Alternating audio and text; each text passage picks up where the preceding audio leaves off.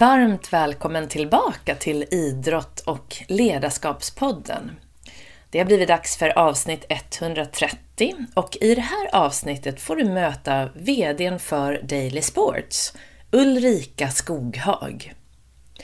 Ulrika har varit VD för Daily Sports sedan 2011 och eh, i det här avsnittet så delar hon med sig av sin resa, hur hon hamnade i modebranschen, hur det är att jobba som VD, vilka hon ser är framgångsfaktorerna, både generellt sett men också när vi är i kriser som vi har varit de senaste åren under en eh, pandemi och under nu en lågkonjunktur. Vad är viktigt att tänka på när man driver ett företag?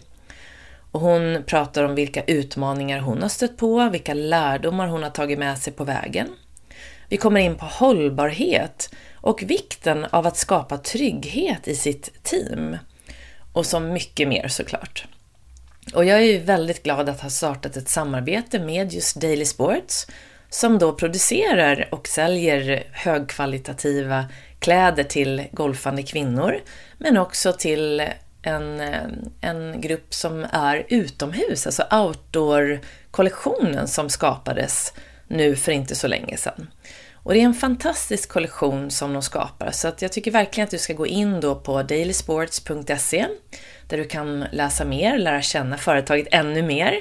Och eh, om du sedan vill köpa något så har du en rabatt på 15% när du använder min kod Jenny15. Och inte bara nog med den här rabatten så kommer vi då tillsammans att skapa en hel del värdefulla saker för att utveckla din kunskap och även ge dig mycket inspiration under det här året som vi samarbetar. Och bland annat då så kommer det bli en hel del events och jag skriver också artiklar som kommer ut i Daily Sports nyhetsbrev. Och de här artiklarna handlar om allt ifrån golfträning till mental träning. Och nu senast kan du läsa om hur du kommer överens med dina medspelare. Vi har eh, pratat om mina fem tips för att bli bättre golfare. Och även hur du kan klä dig nu under hösten för att både hålla dig varm och kunna spela bra golf, även nu när det blir lite kallare. Så jag tycker verkligen att du kan gå in då och anmäla dig till deras nyhetsbrev, också på dailysports.se, så får du ta del utav de här artiklarna, där jag, som jag hoppas då kan sprida mycket kunskap och inspiration till dig. Så med det sagt så ser jag fram emot att presentera det här avsnittet tillsammans med Ulrika Skoghag för dig, där du får mängder av både kunskap och inspiration om ledarskap och hur det är att driva ett företag. Så varmt välkommen och eh, jag önskar dig en riktigt skön lyssning. Nu kör vi!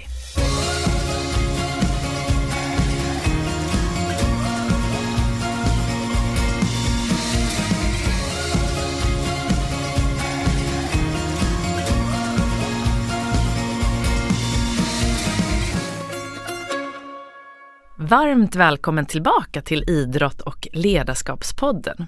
Idag är jag mycket glad att få presentera min nästa gäst för dig, nämligen Ulrika Skoghag.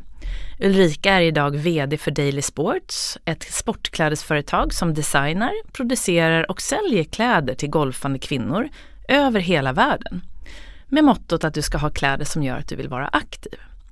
Ulrika kom tidigt in i modebranschen då hennes mamma drev en modebutik och hon fick följa med till modemässor i Paris redan som ung tjej. Och det här ledde till att Ulrika utbildade sig på Tillskärarakademin och vidare på beklädnadsteknisk på Sankt Görans. Ulrika började sedan jobba som inköpsassistent på Indiska och fick följa med på resan där Indiska lyckades ompositionera sitt varumärke till en plats i modebranschen. Efter Indiska jobbade Ulrika som inköpare på Twilfit och sedan under småbarnsåren med lingon och blåbär som hemförsäljare. Också 2005 började hon på Daily Sports som grundades av hennes styvmamma Elisabeth Skoghag och hennes pappa Rolf. Så idag ska det bli väldigt spännande att prata mer med Ulrika om hennes resa, om ledarskap och om hur det är att jobba i modebranschen idag. Varmt välkommen hit Ulrika! Tack! Trevligt att vara här. Är det något som du vill lägga till i min presentation som du kände att jag hade missat eller så? Eh, nej, jag tycker du hade fångat det väldigt, väldigt bra. Det är, det är en jättebra summering ja. av, av min bakgrund. Ja, verkligen. just det, härligt. Mm. Så eh, för den som inte riktigt vet vem du är, vem är Ulrika Skoghag skulle du säga? Eh, ja, vem är jag? Jag tror att jag är en ganska vanlig människa men, men väldigt mycket fokus på driva bolag, kläder, eh, social, eh, kanske lite impulsiv, eh, ja, gillar livet. Mm. Mm. Bor du i Stockholm? Ja, jag bor i Stockholm. Ja. Så har du två barn? Jag har två barn men mm. de har ju hunnit växa och bli väldigt eh, vuxna. de är 25 och 27 så Oj, de, ja. De har ju flygit ut, vilket också är väldigt märkligt. Det går fruktansvärt fort. Eller ja. det är härligt också. Jag kan tänka mig, jag tänkte på det när jag sa här att eh, under småbarnsåren mm. när du jobbar hemma och så mm. är de nu liksom 25 och 27 att det kan gå sådär snabbt. Det tror man ju inte när man har småbarn. Nej man gör inte det, man ser det på kollegor också nu på, som är mitt i det småbarnet. Oj, just det. Och så känner man igen sig men det var väldigt länge sedan. Ja. Har de flyttat ut också? Ja, båda mm. har flyttat ut. Mm. Så att, eh, mm. Och har startat verkligen sina ja, vuxenliv kan man säga med arbete. Gud vad spännande. Så hur kan en dag i ditt liv se ut just nu? Um, Ja, det, det, på ett sätt är det väldigt mycket rutiner, eh, går oftast till kontoret. Men, men, men sen är det ju mycket instick med resor, eh, både när det gäller exporten och produktionen. För jag har ju mina ben på båda sidor i bolaget. Så att eh, mycket möten skulle jag vilja säga dagarna, vilket eh, ibland man försöker då eh, dra ner på att inte fastna i möten. Men kontoret, vara med kollegor. Jag tycker väldigt mycket om att vara på kontoret. Jag är inte personen som tycker om att stanna hemma och jobba för mycket utan jag vill ha människor omkring mig. Just det. Har, ni, har det blivit så efter pandemin att alla är på kontoret hos er och jobbar eller har ni någon form av eh, hybrid där eller hur ja, har ni valt att göra? I stort sett så är alla tillbaka men vi har också en frihet att kunna arbeta hemma. Och speciellt de som är i kanske småbarnsålder så finns det ju en, eh, en positivitet att man kan vara hemma. Mm. Eh, vissa dagar i veckan och sådär. Så det har vi högt i tak och dialog om med mm. respektive. Så att, eh, men sen så behöver vi ses i möten, det är viktigt. Det är viktigt att ses på riktigt. Mm. Ja men precis den där kombinationen. Ja. Så om vi ska prata lite om din bakgrund igen här då. Äh. Hur var det ditt intresse för kläder och mode började? Vi fick ju höra lite här som jag sa i att din mamma var i branschen och sådär. Men hur skulle du förklara att det började? Eh, ja, alltså det, jag tror att det smittade på något sätt direkt när jag var liten med, med att min mamma startade butik och eh, alltid arbetat med kläder eh, och intresse funnits där och sen fick jag ju följa med på olika saker. Så att eh, det, ja, till Paris som du beskrev där och så. Så att kläder har alltid, och det kreativa. Eh, så att det kom tidigt att jag ville va, göra någonting med kläder. Mm. Mm. Och hur såg liksom drömmarna ut när du var liten? Började du, jag tänkte när du var på de här modemässorna kanske i Paris och såg de här modellerna eller började det skapas någon, formas någon dröm kring framtiden inom det här ja, yrket? jag tror, alltså det som blev tidigt var att jag ville bli inköpare och det var ju min styvmor Elisabeth som även startade Daily Sports. Eh, hon, hon var inom den nischen och, och eh, jag blev inspirerad av henne verkligen tror jag att jobba på en kedja, det, det var ju den här tiden när indiska H&M, Kappahl, Gullins, alla de här bolagen man kunde arbeta på dem och som inköpare resa till Asien och det där. Det, det, var liksom någonting som jag blev väldigt inspirerad och ville göra. Det, mm. det var det så. så det, blev det, det var ditt första, vad blev det första jobbet sen när du började på indiska? Ja, alltså jag arbetade ju under studier så på indiska butik så det, det var också en, en väldigt bra språngbräda. Att jag hade nätverket och kontakten där. Eh, att börja i butik, bygga den erfarenheten och, eh, och sen så fick jag en assistentroll på indiska. Mm. Och det var ju ett fantastiskt bolag, det var väldigt entreprenellt men ändå stort. Så att, eh, man fick verkligen chansen att, att vara med. Så efter ett år så fick jag börja resa till Indien och till Asien och vara med på inköp och så. så det, det var learning by doing på den tiden och det var, det var superhäftigt verkligen. Och det där har ju du med dig idag, alltså just att du har allting, det, det märks verkligen, du har ju det här liksom från grunden verkligen och sett många olika delar av branschen Ja. från grunden, eller hur? Det måste Ja. vara en sån otrolig, otrolig styrka nu när du jobbar som VD. Ja, jo men det, det känns som att där har jag verkligen någonting att luta mig mot och vara trygg i. För det, trygghet är ju viktigt och det är inte alla områden man känner sig lika skarp på in, när man driver bolag. Men den biten känner jag att där, där står jag med fötterna på jorden. Även om det händer väldigt mycket även där och man måste hänga med. Mm. Och vad skulle du säga är det bästa med att jobba inom modebranschen och klädbranschen? Ja, men det är ju kreativiteten och eh, utveckling och förändring. Jag, jag är ju inte den personen som vill sitta still och jag kan inte fastna i monotona sysslor. Det har jag lärt mig om mig själv. Så att eh, det, det är väl det som är väldigt roligt med modebranschen och det kreativa. Mm. Och, och där har jag också lärt mig att det är mycket av mina styrkor. Så att det, eh, ja. Är, är- du med, eh, som just när, när det är liksom designteamet kan man Mm. säga så tänker ni på nu vad ska vi hitta på framöver och vad, är du med där i, Ja. i grunden direkt där när man börjar, apropå framtid, vad är jag inne just nu och Mm, ja, det hur funkar det liksom? Absolut, rent organ- i organisationen så jag, står jag på ena benen med den kreativa som kreativ chef idag. Och sen har jag andra kollegor som tar hand om sälj och eh, de bitarna. Så att det, det, där, där är jag med väldigt mycket i eh, hela tiden processen att bygga kollektioner. Och vara med i det kommersiella tror att jag, där, där är min styrka. Så att, eh, vi, vi jobbar jättetajt. Eh, och många av de här produkterna som jag utvecklat som varit storsäljare genom åren har jag jag absolut varit med och eh, eh påverkat och jobbat med teamet att ta fram. Så att eh, ja, det, det är en av de roligaste bitarna tycker jag. Ja, men det förstår Ja, jag. ja. Så, så hur gör man om man tänker apropå mm, vi som är eh, på den andra sidan och ser, Ja. vi ser ju när produkten har kommit till butiken. Ja. Och då kan man vara så här, wow det här känns ju verkligen bra eller hur, hur vet ni? För ni är ju ute i så god tid. För er kanske det handlar om två år framåt. Så Ja. hur, hur, hur, hur får man tag i trender och liksom hur, hur gör man för att vara riktigt vass på att veta vad som kommer att Ja, gå det- hem så att säga? Ja, det är, det är inte det lättaste. Sen, sen är ju vi ett varumärke som är, vi är ju kommersiella. Vi är inte de som ligger allra längst i framkant eh, med de senaste trenderna. Utan eh, vi är ju väldigt mycket och ute och scoutar och följer trender och tittar på vad som händer. Och det är ju allt ifrån klädesplagg, produkten till vad som händer i omvärlden också, för det påverkar oss ju väldigt mycket.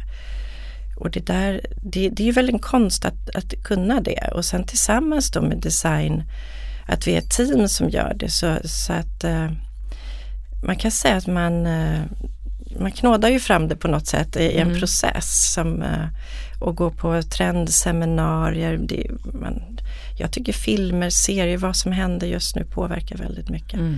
Men det är klart, det är om två år det vi gör just nu. Vi sitter och ritar 2025 nu så att det, det, Ja. det är klart att det inte är lätt alltid att göra helt rätt. Så är Nej. det. Nej men så spännande. Och, och vad skulle du säga hittills är de viktigaste lärdomarna som du tagit med dig på vägen?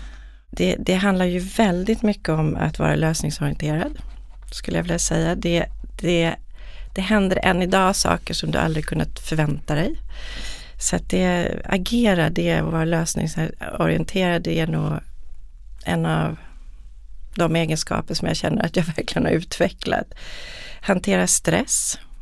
Ehm, det jobbar man ju konstant med och det, det vet ju du. Det är verkligen att eh, eh, men jag tror att det lägger jag mycket fokus på nu för att man inte ska bränna ut sig.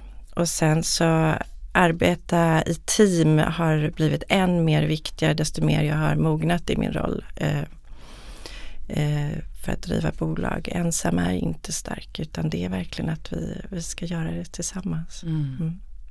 Och det där leder oss in just på Daily Spår som Mm. jag har några frågor om. Så du började ju där då 2005 Mm. och så blev du VD 2011. Eller hur? Ja. Och vad var det som lockade hos just Daily Sports?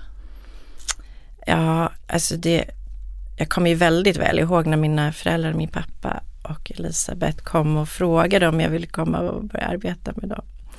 Och jag var lite skeptisk först för att jag själva yrkesrollen var ju inte ett problem just då att kliva in där. Eh, och de lockade mig att jag skulle få en, en del i bolaget eller känna ett ägars, ägarskap i bolaget och det lockade väldigt mycket. Så det, det, är väl det som är svaret på frågan. Det var nog det och att få vara med och påverka, att kunna komma närmare verksamheten. Mm. Sen var det ju en liten rädsla att, att gå in och arbeta med familjen. Eh, om det ska gå bra eller inte. För det är ju mycket man investerar i det. Man vill inte förstöra en familjerelation eller hur man nu ska uttrycka det. Det, det är tufft. Och jag har jobbat i många familjeföretag också. Men det är kanske är därför vi klarade det också så bra. Ja men exakt, för du hade ju erfarenhet, för Indiska är ju ett familjeföretag, eller hur? Ja, Från precis, grunden. precis. Så du hade ju den där liksom bilden lite grann och sen att man vet om det från början. Att det kanske inte alltid är så lätt. Det är ju också en bra förutsättning att det ska funka. Verkligen. Att man inte bara, nu är vi familj, nu kommer det funka jättebra. Nej, nej, nej, verkligen. Och jag tror att styrkan är ju att jag är skolad på indiska i en entreprenöriell eller familjekultur. Och, och det brukar jag säga ofta att kultur i bolag är ju någonting när man byter företag är nog bland det viktigaste för att ska trivas och förstå den kulturen. För det, det är väldigt eh, olika beroende på storlek och form, hur det, ut, bara hur det har börjat för verksamheten tror jag. Mm. Så hur många är ni på Daily Sports idag? Idag är vi i Sverige 17 personer och sen har ju vi ett dotterbolag ute i Hongkong också. Där vi har fyra personer anställda där vi sköter liksom logistik och uppföljning av produktion och den biten. Mm, just det. Mm. Så vad skulle du säga är eran målbild idag? Eh, våra målbild är ju såklart att växa och bli ännu starkare inom det kvinnliga segmentet. Eh, att, att mm, vår fanclub ska växa eh, bland kvinnor som varumärke, att de ska attraheras av det vi gör. Eh, gärna göra flera linjer. Vi har ju påbörjat outdoor-segment och eh, ja, det känns som att där, där, finns det nog en, liksom egentligen ska inte finnas något stopp utan vi, vi, vi ska göra kläder med bra funktion till, till kvinnor som mm. gillar att vara ute och den biten. Och det som är så fint tycker jag då som, mm. som har börjat använda era kläder mycket, och ännu lite mer nu sen, sen vi blev, sam, började jobba mm. tillsammans. Mm. Det är att jag har dem ju både på jobbet, jag jobbar ju på kontor eller liksom med mina kunder där. Men också på golfbanan och så är jag ju utomhus väldigt mycket med min hund. Mm. Och det här som, som ni har som en i mottot är att man, man ska vilja röra på sig och vara aktiv. Det är också så himla viktigt i dagens samhälle med den här mentala hälsa-fokuset att vi behöver mm. kliva upp och vara ute. Och det tycker jag är en sån fin del utav eran, ert motto där. att kläderna ska känna att man vill kunna röra i, på sig. och sen tack, att man såklart tack. känner sig snygg och att det är väldigt fin, fantastisk kvalitet. Det är mjukt och rör, alltså du vet, det, det vad tycker glad jag är jag blir. Tack snälla. Ja, det... Och det säger jag inte bara nu. Nej. jag lovar, det, ja, det är, är helt genuint. Nej men det, det, det är jätteroligt att höra. Det är det som gör att man, man vill, liksom drivs på och man, man tycker att det är så roligt att arbeta med det här. Mm. Mm. Så, så hur skulle du säga att eh, ni jobbar, du vet i dagens samhälle är det också väldigt mycket fokus på hållbarhet. Mm. Och att eh, när vi pratar kläder så är det ju, liksom, det är ju ändå någonting man köper, man kanske köper nytt och sådär. Hur skulle du säga att ni jobbar med just det här hållbarhetsfokuset? Ja, först och främst så vill jag väl säga att när jag är ute på golfbanorna så, så möter jag damer, kvinnor som går i våra plagg som, ja det är så roligt att se för de har varit med länge och är fortfarande superfräscha och det tycker jag är ett, ett hållbart eh, värde om något, att, att plaggen har en sån lång livslängd. Ehm, sen har vi idag satt ihop ett team. Hållbarhet är ju en av de svåraste och viktigaste ämnena för oss idag, för jorden, för att vi ska komma vidare. Ehm, så att vi har satt ihop ett team. Vi jobbar med stenhårt med, utifrån ett produktionsperspektiv och mäter utsläpp och eh, jobbar med de här 2030 det kommer en ny lag som jag tyvärr inte kan beskriva exakt här men det, det är höga mål på att vi ska dra ner utsläppen i världen och det ska ju vi då som ett land som, eller ett varumärke som producerar kläder verkligen eh, liksom vara med och hjälpa till. Så där, där har vi ju ett uh, stort arbete mm. och lägger resurser i organisationen för att uppnå det. Mm.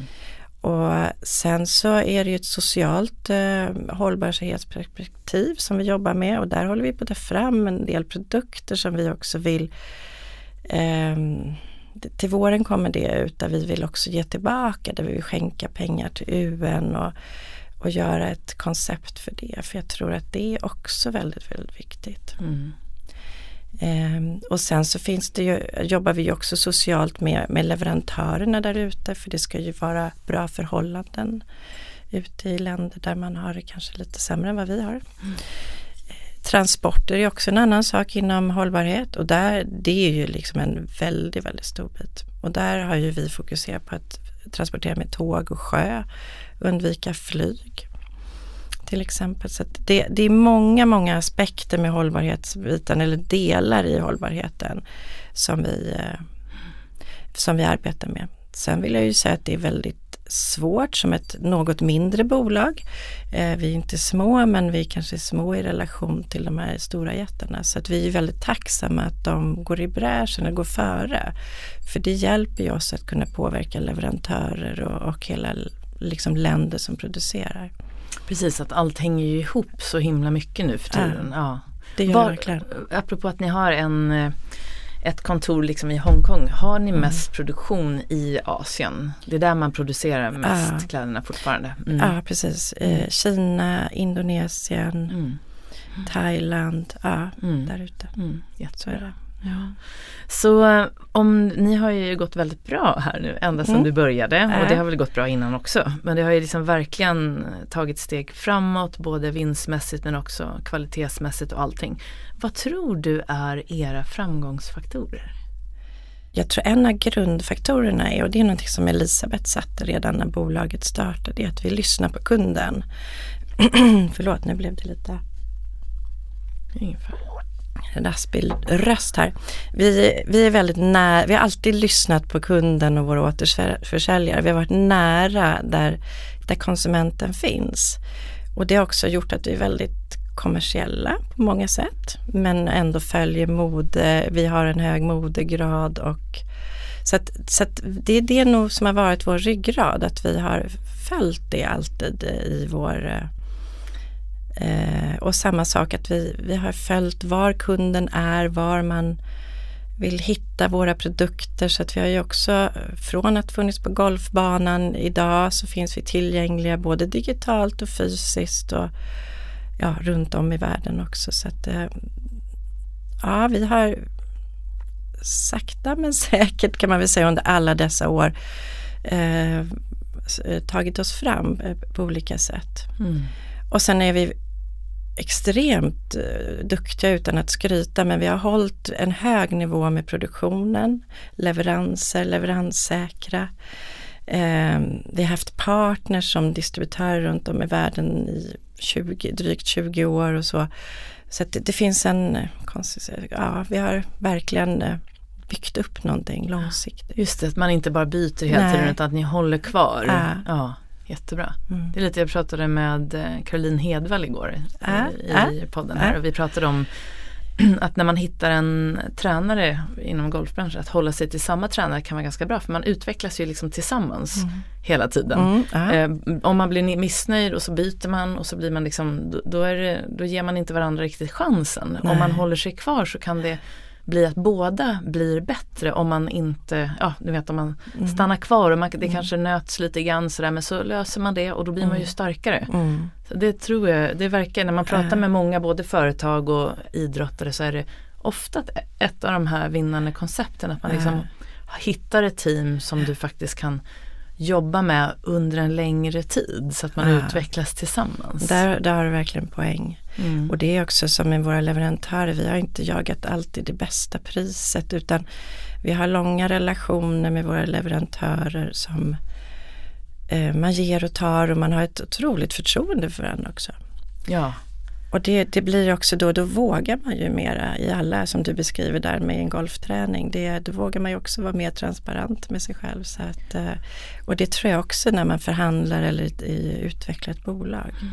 Och att man, det, det skapar en trygghet. Mm. Så att eh, ju mer man känner varandra, man, man faller mjukt. Mm. Om det nu skulle bli någonting som mm. inte riktigt går mm. som man vill så är det som att okej, okay, vi löser det tillsammans apropå det här att äh, vara lösningsorienterad. Äh. Man blir ju liksom en, blir en väldigt trygg miljö som mm. inte kan skapas kortsiktigt. Nej. Eller hur? Det är ju ett långsiktigt arbete. Där har jag ett jättebra exempel och det var ju pandemin. När vi eh, stod inför pandemin bröt ut höstleveranserna eller höstorderna var ju placerade och hur gör vi nu? Ska hela världen stänga? Och det hade vi fantastiskt bra dialog, både med våra distributörer, med våra leverantörer, att skära ordrar och det var ingen som bara stängde dörren och sa att ni får ta hand om det här, utan vi, vi samarbetade verkligen på alla plan. Och det det tror jag inte du kan göra om du inte har byggt upp de här långa samarbetena och relationerna. Nej. Och ja, trygghet, ordet trygghet är väldigt bra i det där. Mm. Och just att i kris, det är då mm. sånt där märks. Ja, För det är ja. lätt att det går bra när allt går bra. Ja. Då är det ju lätt att vara, allt går inte. Mm. Men det är ju i kriser man märker. Mm. Vad är det som håller? Vi hade faktiskt en partner som, ska inte slänga ut namnet på den, men som var ny också. Och de var stentuffa först. Bara, Nej, vi ska bara annullera allting. Eh, men det var också för att vi hade inte hunnit bygga upp den där eh, tilliten till varandra och det, det är väldigt intressant. Ja. Mm. ja. det är jätte, det går igen liksom i, alla, på alla, i alla områden. Så om, om, om någon skulle ge dig en riktigt fin komplimang för ditt arbete och ert arbete på Daily Sports, vad skulle vara den största komplimang någon skulle kunna ge dig?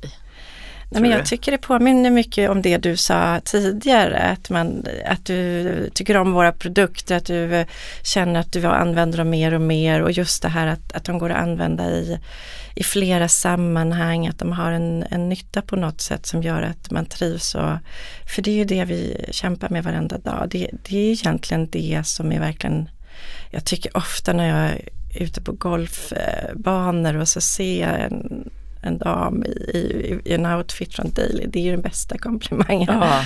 Och jag brukar gå fram och säga, åh vad fin du är. Och det, alltså de blir alltid jätteglada också. Så det, uh, ja, det är verkligen. Och jag tänkte, mm. ni har ju, ibland brukar jag tänka på, du vet Eva Attling gjorde så här Uh, beauty with a thought. Uh. Ni har ju ibland på era mm. kläder, det står ju mm. dream mm. på en tröja som uh. jag har på mig nu. och jag brukar tänka på det att det, den påminner mig till exempel om att våga fortsätta drömma. Även, jag är ju 50 nu men eh, jag har ju också drömmar men jag vill också sprida det till alla mina klienter och alla barn och ungdomar jag jobbar med att vi måste våga drömma. Och det tycker jag är så när man har ett plagg som påminner om det. Det, det är lite roligt att ni har den typen av eh, liksom, liten touch ibland också. Ja, men det, mm. det är mycket det här kvinnliga tror jag som vi försöker hela tiden eh, mm. bygga på. Liksom, för att vi, vi, vi kvinnor tycker ju om att vara kvinnliga. Mm. Ja, just verkligen. Så om vi ska gå in lite på ledarskap och framgångar och motgångar där, eller utveckling där. Vilken typ av ledare skulle du säga att du är? Eller vilken typ av ledarskap upplever du att du följer? Alltså det där är ju en jättesvår fråga. Ursprungligen så, så var det ju inte det som var mitt mål, att bli ledare. Liksom. Så det, det, jag kom ju från en, jag har ju halkat in här i det. Så att i början var det en stor utmaning för mig att vara ledare. Eh, så jag var väldigt sökande i, i den rollen. Men eh, och typ, jag jag vill ju ha teamet med mig. Det är ju det jag strävar hela tiden efter, att arbeta tillsammans. I början blev ju det galet faktiskt för att jag sökte ju att vi skulle bestämma saker tillsammans. Mm. Och det var, det var liksom, och jag fick bara höra hur otydlig jag var. Eh, så nu har jag ju fått lära mig, jag har gått olika ledarskapsprogram och utvecklat mig mycket mer som, som ledare. Eh, men fortfarande så är det jätteviktigt för mig att, att arbeta med, med teamet och att ge andra omkring mig ansvar och växa i sina roller. Det, det jag vet inte om det är tillräckligt bra svar på frågan. Men jo ja. men det tycker jag verkligen. Mm. Och jag, jag vill koppla på just det här med tydlighet. För Mm. det brukar man ju se att det är en viktig egenskap just hos en ledare. Mm. Hur gjorde du för att utveckla den delen? Att vara mer tydlig. Vad var det de eftersträvade? Vad var Ja, det de sökte om där man tror du? ska säga det enkelt så är det nog att tala om vart vi ska. Liksom målet eller vart vi vill. Sen eh, får man ju fortsätta ändå och eh, ställa frågan eh, till teamet. Är ni med på det här? Vill ni också det? Det är ju slutändan. Men, men tydligheten måste komma från mig eh, vart bolaget ska eller vad vi ska i just den här frågan eller så vidare. Vad jag tror på. För att eh, det går inte alltid att alla ska vara med. Det, sen kan vi nå dit tillsammans, Mm. det är en annan fråga. Ja, men jättebra. Och så Mm. hur är det idag? För nu har du varit VD sedan 2011 och idag Mm. är det 2023. Mm. Är det som du hade tänkt dig? Eh, ja, på ett sätt är det nog så.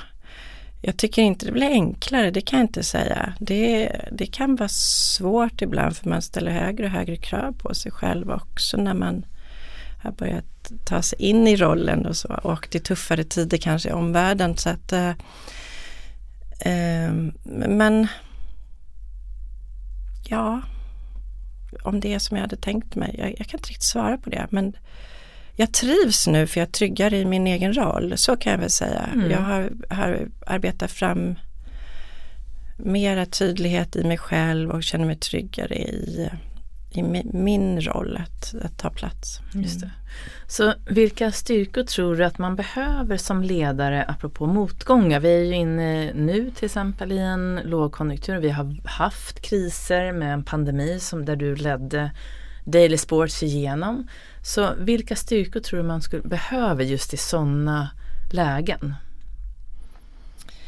Eh, nej men det är nog att visa att man tar ansvar och att man, eh, att man, att jag tar ansvar att, eh, att eh,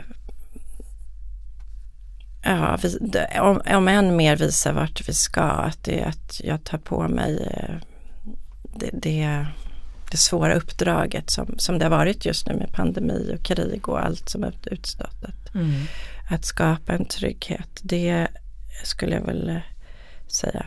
Mm. Att stå Mm. med båda fötterna på jorden Ja. när det blåser. Ja, det, måste, det är också så här att det är ju lätt att vara VD när det går bra och då, får, man all, då får man ju allt positivt. Ja. Men samma sak när det går dåligt, då är det ju också viktigt att våga stå kvar och Mm. inte så här ducka undan som nej. faktiskt man kan se exempel på. Just när det blir tuffare. Att det är liksom helt plötsligt så är den inte Mm. i, i media längre på samma sätt och sådär. Nej, sen får man ju, man måste ju behålla lugnet och kanske inte visa all sin oro utåt. Även om man kanske, även jag kan bära på mycket oro in, i mig, men jag får ju eh, behärska mig i de sammanhangen. För att sprida oro är ju nog det sämsta man kan göra. Tror Mm. jag. Just det. Utan det här handlar om att ha ett lugn. Mm. Vad tycker skulle du säga är det svåraste med att vara VD? Eh, svåraste? Nej men det är ett väldigt, väldigt stort ansvar gentemot, jag, jag, fast det kan jag inte gå omkring och, och tänka på hela tiden för det skulle inte gå. Men det är ju många som, som egentligen har, är beroende av sin arbetsplats och ska må bra och, och det, det ibland reflekterar man ju över det. Sen är det ju väldigt svårt ibland när det gäller att hantera svåra beslut, att inte ta in det personligt, om det, du har byggt en relation med personer omkring dig och så vidare. Um, det kan jag väl säga att det är väl eh, bland det svåraste. Att hålla det professionellt och Ja. inte ta det personligt. Ja, Ja, men exakt. Det att, man, att inte ta in i känslomänniskan, det i sig själv. Ja, hur har du fått något bra verktyg för att lyckas eh, hålla det på den här professionella nivån? Nej, det kan jag inte säga. Om du har något får du gärna ge mig det. Men, men eh, det, det jag är väl eh, kommer till det att jag får tänka att det är Daily Sports nu som är, är fokuset. Varför tar jag det här beslutet? Ja, det är bolaget så och så. Det är inte privata Ulrika som, som tar det beslutet. Nej. Det är nog det där som är just som du sa nu, att det är den där, att repetera det. Jag har, jag har Ja. haft lite idrottare här och en eh, Ludde Håkansson men också flera andra pratar ju väldigt mycket om att du är inte din prestation. Nej, För det är så väldigt lätt Mm. att må bra då när man Mm. går ut och presterar Mm. och du får liksom alla hyllar dig och sen så när det går dåligt då är det bara kast. Mm. Att det är inte jag, de säger liksom att det är inte jag som person. Utan när jag går av basketplanen, när jag går av golfbanan, när jag går, då är jag ju fortfarande Ludvig eller Jenny Mm. eller Mm. det är liksom jag är inte min prestation. Men Nej, det, det, är där ofta, var spännande. ja, och det är oftast repetitionen, att man Ja. har nästan som ett Ja. mantra som du Ja. har valt själv Ja. som Ja. passar dig. För det som du repeterar ofta blir Ja. ju en sanning. Ja, Och om repetitionen i huvudet handlar om att jag är dålig när det går dåligt Mm. eller jag är bra Mm. när det då är det det du tror på. Mm. Men om du vänder det där Mm. och det är ju en mental träning i Mm. självbildsträning. Man jobbar jättemycket med just att hitta de här repetitiva tankarna som du faktiskt behöver träna på att välja.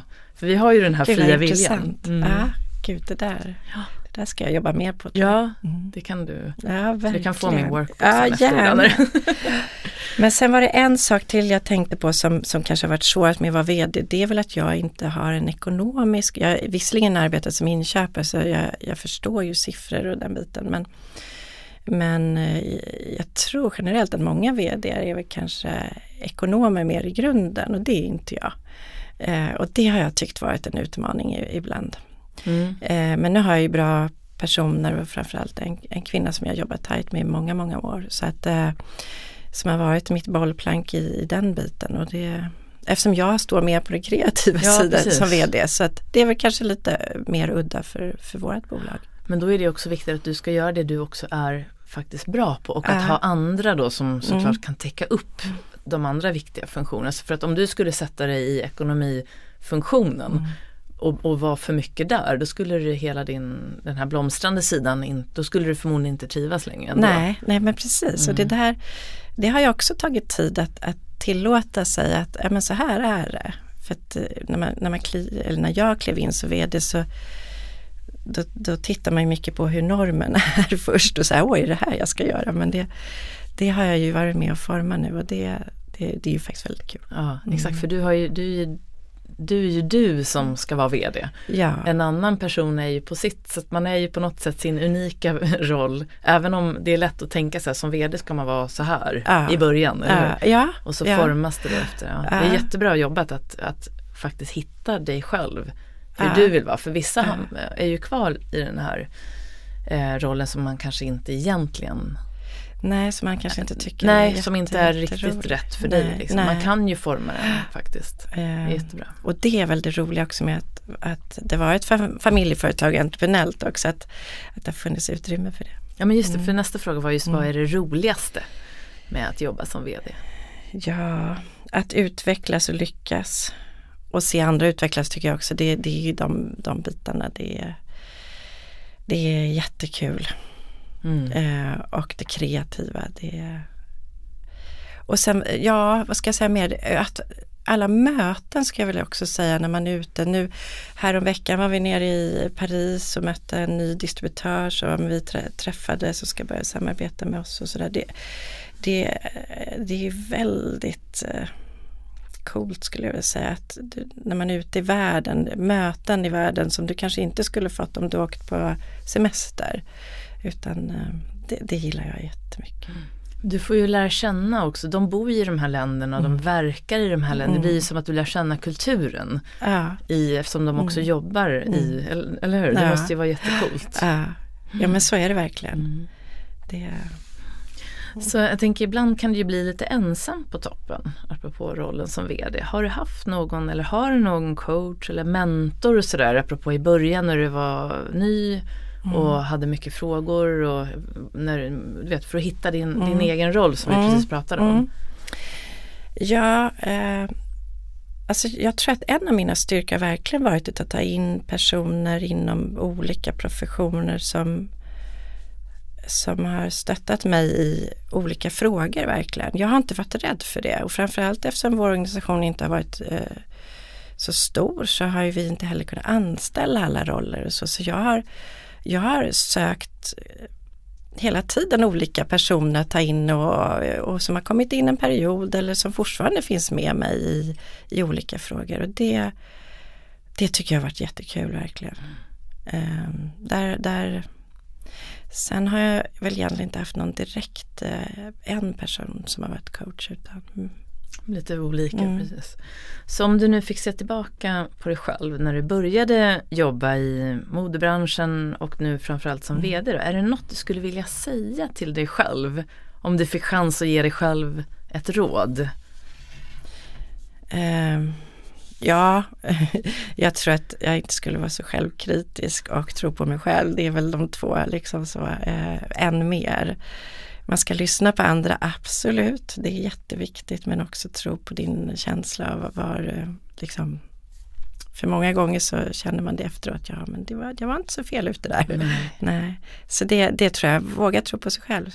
Mm, verkligen. Det är ett jättebra råd, mm, det är faktiskt mm. de flesta brukar, många som brukar mm, säga just mm, det mm. till sig själv. Äh. Att det, det är intressant.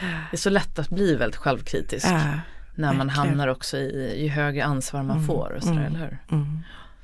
Så om vi ser tillbaka nu, apropå vi pratar mycket om team och mm. att liksom verkligen bygga teamet och mm. att det är ni tillsammans, ensam är inte stark. Mm. Vilken tror du är den viktigaste faktorn för att få medarbetare att känna att de jobbar tillsammans mot ett gemensamt mål? Det är ju tydlighet såklart mm. i vart vi ska eh, skapa ett öppet och tryggt klimat det är ju liksom det som är A och O i eh, en organisation. Mm. Ständigt utveckling har jag ju tänkt på också. Det, det tror jag det är det som triggar många. Vi arbetar, arbetar mycket med workshops, att, att man, man tar en dag och, eh, och där, vi, där man får sitta i grupper under dagen och, och arbeta med frågor inom sina områden. Att, att ge sig iväg från kontoret och skapa de bitarna så att vi att man är delaktig. Det är verkligen det det handlar om. Så mm. att, eh, men sen i grunden är ju tryggheten, att man känner sig trygg på sin arbetsplats. Mm. Du och känns som en person som är väldigt bra på att lyssna för du, du har ju en lugn framtoning och, och väldigt behaglig. Ja, När man träffar dig så, så känner man det. Ja. Så att jag tror att en av dina egenskaper är att man känner att du lyssnar mm. och det är ju mm. en jätteviktig faktor för att de ska känna sig delaktiga. Hur ofta ha, har du Ehm, medarbetssamtal eller apropå liksom känna in, har du regelbundna sådana träffar eller hur lägger du upp Vi har den? ju en årsplan och vi har, eh, där har vi ju en struktur verkligen i bolaget. Sen har inte jag det med alla utan då är det inom min den kreativa biten. Så jag har marknadsavdelningen och designavdelningen som jag arbetar med och sitter ut i samtal. Och så självklart de cheferna eftersom jag sitter som VD. Men, men, eh, så där har jag har vi delat upp det också. Eh, sen går tiden fort ibland så bara oj nu måste vi göra det här igen för att det går snurrar så, så otroligt ja. fort. Det är jättebra just mm. att, du, att du kunna delegera, att du släpper ja. taget till de andra, de som är chefer för sina mm. områden. Det är också mm. en sån här jätteviktig egenskap. Det går ju inte att göra allt. Nej. Det kan vara ett hinder för många vd att man är för mycket inne ja. i allt, mm. tror jag. Det och det vanligt... tror jag fortfarande att det om du skulle fråga någon så tycker hon att jag petar i mycket men, men eh, det är någonting jag jobbar på hela tiden att, att kunna släppa taget. Ja, klara ja. att släppa. För det, jag tänker på eftersom det är ett familjeföretag när man är entreprenör från grunden. Då brukar det där vara ännu svårare för det är så mycket hjärta ja. i och, och sen när du också kan väldigt mycket från grunden. Mm. Men just för din stress och just det här med att mm. kunna hantera stress när det blir för mycket. Mm. Det, skulle, det säkert, skulle säkert funka jättebra men det går ju inte i slutändan. Så att, att Nej det gör ju inte taget. det. Mm. Det, det, det står nog högst upp på listan att jobba med. det gör det för alla, ska jag säga. jag tror det. Ja. Uh. Så när det gäller, vi har ju pratat om era målbilder så mm. Jag tänker igen nu, vi har ju en, man skulle ju kunna säga vi är ju fortfarande i en kris sen pandemin. Den har ju mm. bara liksom gått till andra, mm. formats om lite grann mm. till det mm. blev krig och nu blir det ju effekter med lågkonjunktur och sådär. Eh, vilket tror du skulle vara ditt bästa råd till andra ledare och företag för att klara sig igenom en kris? Ni har ju ändå lyckats med det några gånger faktiskt. Um, ja, det, det, här är ju en jättesvår fråga men, men det, jag tror man måste, man behöver både kunna gasa och bromsa. eh, och eh, stanna upp, lyssna tänka och våga. Du, du behöver nog göra allt eh, och inte vara rädd för att agera. Mm. Det, det, och sen så det finns väl något ordspråk med att ta sig, gasa genom en kris eller vad, hur det nu är. Men, men du, du behöver nog våga kunna göra gå in och agera snabbt också. Mm. Det, så gasa, bromsa tror jag är ett bra, bra mm. eh, råd. Eh, men, och inte vänta för länge om du, du känner att det här måste jag ändra eller jag, måste, jag behöver förändra den här eller omorganisera eller vad det nu kan vara som kommer i kriser. Mm. Så ofta så har man ju koll på Ofta är det ju så här efteråt, när jag skulle ju ha gjort det där. Ja, så att det, ja. det är liksom det nu kommer jag att tänka på en sån apropå ledarskapsformer. Eh, liksom, det finns något som heter Eagle Management. Aha. Om man är en örn så Aha. flyger man ju ovanför allting. Ah, det, och sen så det. går det ju ner då när du ser ett bit ungefär. ner mm. snabbt och, mm. liksom tar, och sen mm. upp igen. Så att en, en, det är just att man, när du nu har en mm. bra helhetsbild mm. av hela mm. bolaget då kan du ju också snabbt gå ner och förändra då i en kris. Det är ju ett jättefint äh, råd eh, äh, som vd då. Att äh. man, apropå att ta ansvar under kriser också. Att kunna se, förstå vad som händer. Även om du ändå släpper taget. Mm. Eller hur? Ja men så är det. Och sen, mm. sen, måste, sen behöver du samla teamet och, och reflektera, diskutera. Och det, det, är ju hårfint det där med att springa för fort eller att faktiskt agera. Men, men eh, för det är ju inte samma sak. Nej, exakt. Så det, det, det man får inte få panik utan det, men ändå kunna agera. Mm. Och då lugnet som du sa i grunden där. Mm. Eh, även om man känner oro. Okay. Mm. Ja. Och då kommer vi in lite på din egen balans då. Det här med som du nämnde som en av dina lärdomar, det här med att hantera stress. Mm. Hur gör du idag för att just behålla din balans mellan familj eller privatliv då mm. Och även jobbet när du har ett sånt. Du är så engagerad, du driver bolaget. Och hur, släpp, hur tränar du på att släppa taget och ha den där, ha den där balansen? Eh, jag kan inte säga att jag har den fullt ut ännu men det, det, är väl någonting som jag verkligen fokuserar på nu mera. Eller har väl gjort ett par år men, men äh, äh, där, där är det för mig väldigt viktigt att, att jag, just nu så är det träning, äta, sömn, det är de tre sakerna jag går och tänker jättemycket på eh, för att skapa den balansen. Eh, och det kanske har lite med åldern att göra, att man blir ännu mera eh, fyller 57 snart och det, det, nej, det blir bara än viktigare att skapa, hitta balansen. För att det snurrar väldigt mycket i huvudet. Mm. Så att, eh, men jag, jag går väldigt mycket, jag älskar att vara ute och gå. Så att det är för mig en, en, eh, en bit som jag gör mycket. Lyssna på poddar eller musik eller en ljudbok. Eh, det, det är ett sätt för mig att skärma väldigt, väldigt mycket. Fast man kanske inte skärmar Och sen är jag ju jättenyfiken på att följa med dig på något yogapass och sådär. För jag inser att jag behöver börja med sånt också. Ja, det är du så välkommen. Vi har ju den här, jag har ju den här helgen apropå äh, nu i november. Så äh, du är så välkommen. Och, sen, och ibland, det är ju en lördag söndag, det kan vara bra som en liten kickstart eller mm. man säger. Men sen mm. att just göra de här regelbundna små sakerna. Kanske mm. ett pass här, mm. ett pass där. Mm. Är du så välkommen. Ja, tack. Så vi börjar ju närma oss eh, slutet. Det är jättehärligt att prata med dig. Jag skulle gärna fortsätta. Men jag brukar avsluta då med att fråga om du fick lämna tre saker till den som lyssnar. Vad gäller just ledarskap och eh, förmågan att prestera på topp och må bra på vägen. Vad skulle du säga då? Um, ja, det där har jag tänkt lite också på det såklart. Eh, jag tror att det är viktigt att ha ett mål, vart man vill. Eh, utan det så tror jag att det blir svårt att, eh, att inte prestera eller klara av det man vill. Utan det, någonstans ska det finnas en målbild för sig själv. Sen tror jag återhämtning har jag skrivit. Skapa tid för återhämtning. Det är någonting som jag vill gärna skicka med tillsammans med att reflektera. Det, det, titta tillbaks och klappa dig på axeln. Var, men titta, det där gick ju faktiskt väldigt bra. Att, att se, wow, det där. Så att det blir, blir en återhämtning med reflektion som blir något, någonting väldigt positivt. och sen att lyssna, lyssna på andra. För att när det, när det går i 180 emellanåt så då, då kan det bli eh, att man springer för fort.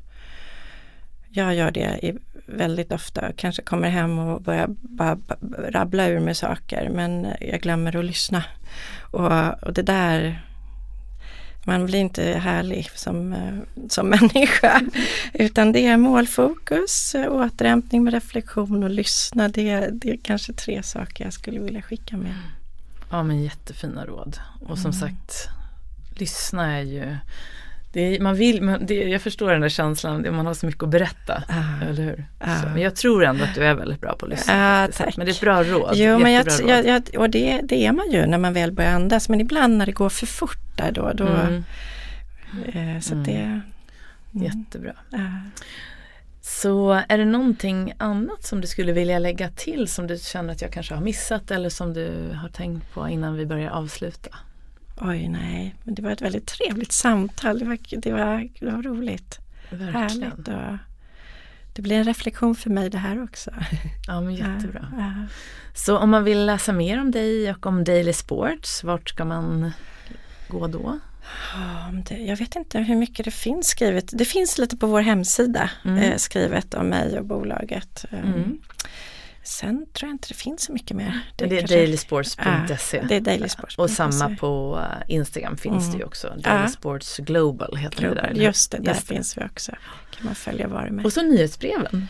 Just det, titta du är bättre på det här ja. Jag har ju skrivit ner. Ja, vad bra, vad jag, jag skriver ja. ju artiklar där mm. nu också tillsammans med er ja. Eh, med lite olika teman och det är jättespännande. Då får man både lite information om era kläder och vad som händer i ert bolag och också lite tips och råd kring hur man kan bli bättre på golfbanan och även utanför golfbanan. Det är jättekul att vi har knutit den här relationen och att vi ska prata mer mental hälsa och välmående tillsammans i till vår målgrupp. För det, det märks, vårt sista nyhetsbrev fick så otroligt högt eh, KPI eh, och det, det känns eh, som att man gör rätt grejer då. Ja, jättekul mm. att höra. Mm. Och varmt lycka till Ulrika, fantastiskt att du vill vara med och dela dina kunskaper, din inspiration till lyssnarna och vi ser fram emot, och jag ser fram emot följa dig och även Daily Sports ja, i framtiden. Tack snälla Jenny, det är jättetrevligt verkligen. Jättebra, mm. tack. Tack.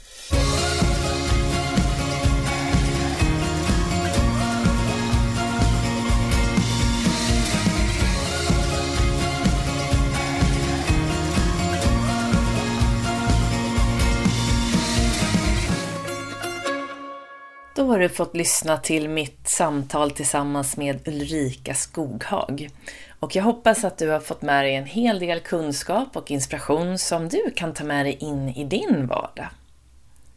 Och vill du veta mer om Daily Sports så går du då in på dailysports.se. Där står det lite mer om Ulrika men också mer om företaget och där hittar du då också den här fina kollektionen som de lägger ner hela sin själ i. Och eh, när du hittar något du gillar så kan du då använda min kod Jenny15 så får du 15% rabatt. Och glöm inte att anmäla dig till deras nyhetsbrev heller under samma, på hemsidan också, där du får ta del av de här artiklarna som jag regelbundet kommer att skriva då under hela det här året. Med allt från mental träning till golfträning till fysträning och mycket annat smått och gott. Och vill du veta vad som är på gång i min egen verksamhet så går du in på www.jennyhagman.com. Jag har en eh, kurs, en helgkurs med mental träning och medicinsk yoga i fokus. Där du får lära dig då allt du behöver när det gäller hur du bygger upp en mental styrka från grunden för att hålla i längden. Och där du också får över, jag tror att det blir fem hela medicinska yogapass som blir lite som bomullen över den här mentala träningen för att få mental och fysisk avslappning och hitta ditt inre lugn. Och det här är den 18 till 19 november och det finns några platser kvar. Så det är bara att du går in på hemsidan för att anmäla dig om du blir intresserad. Och där får du också min workbook med alla mina övningar som du får ta med dig hem och även ljudfiler. Och eh, du kan också jättegärna följa mig på Instagram där du får lite mer aktuell information om vad som är på gång och även lite tips och råd om framförallt mental träning. Och du hittar mig på snabela Jenny Hagman. Så med det sagt så vill jag önska dig en fortsatt skön dag eller kväll och så hoppas jag att vi ses här snart igen. Ta hand om dig och varandra. Hejdå!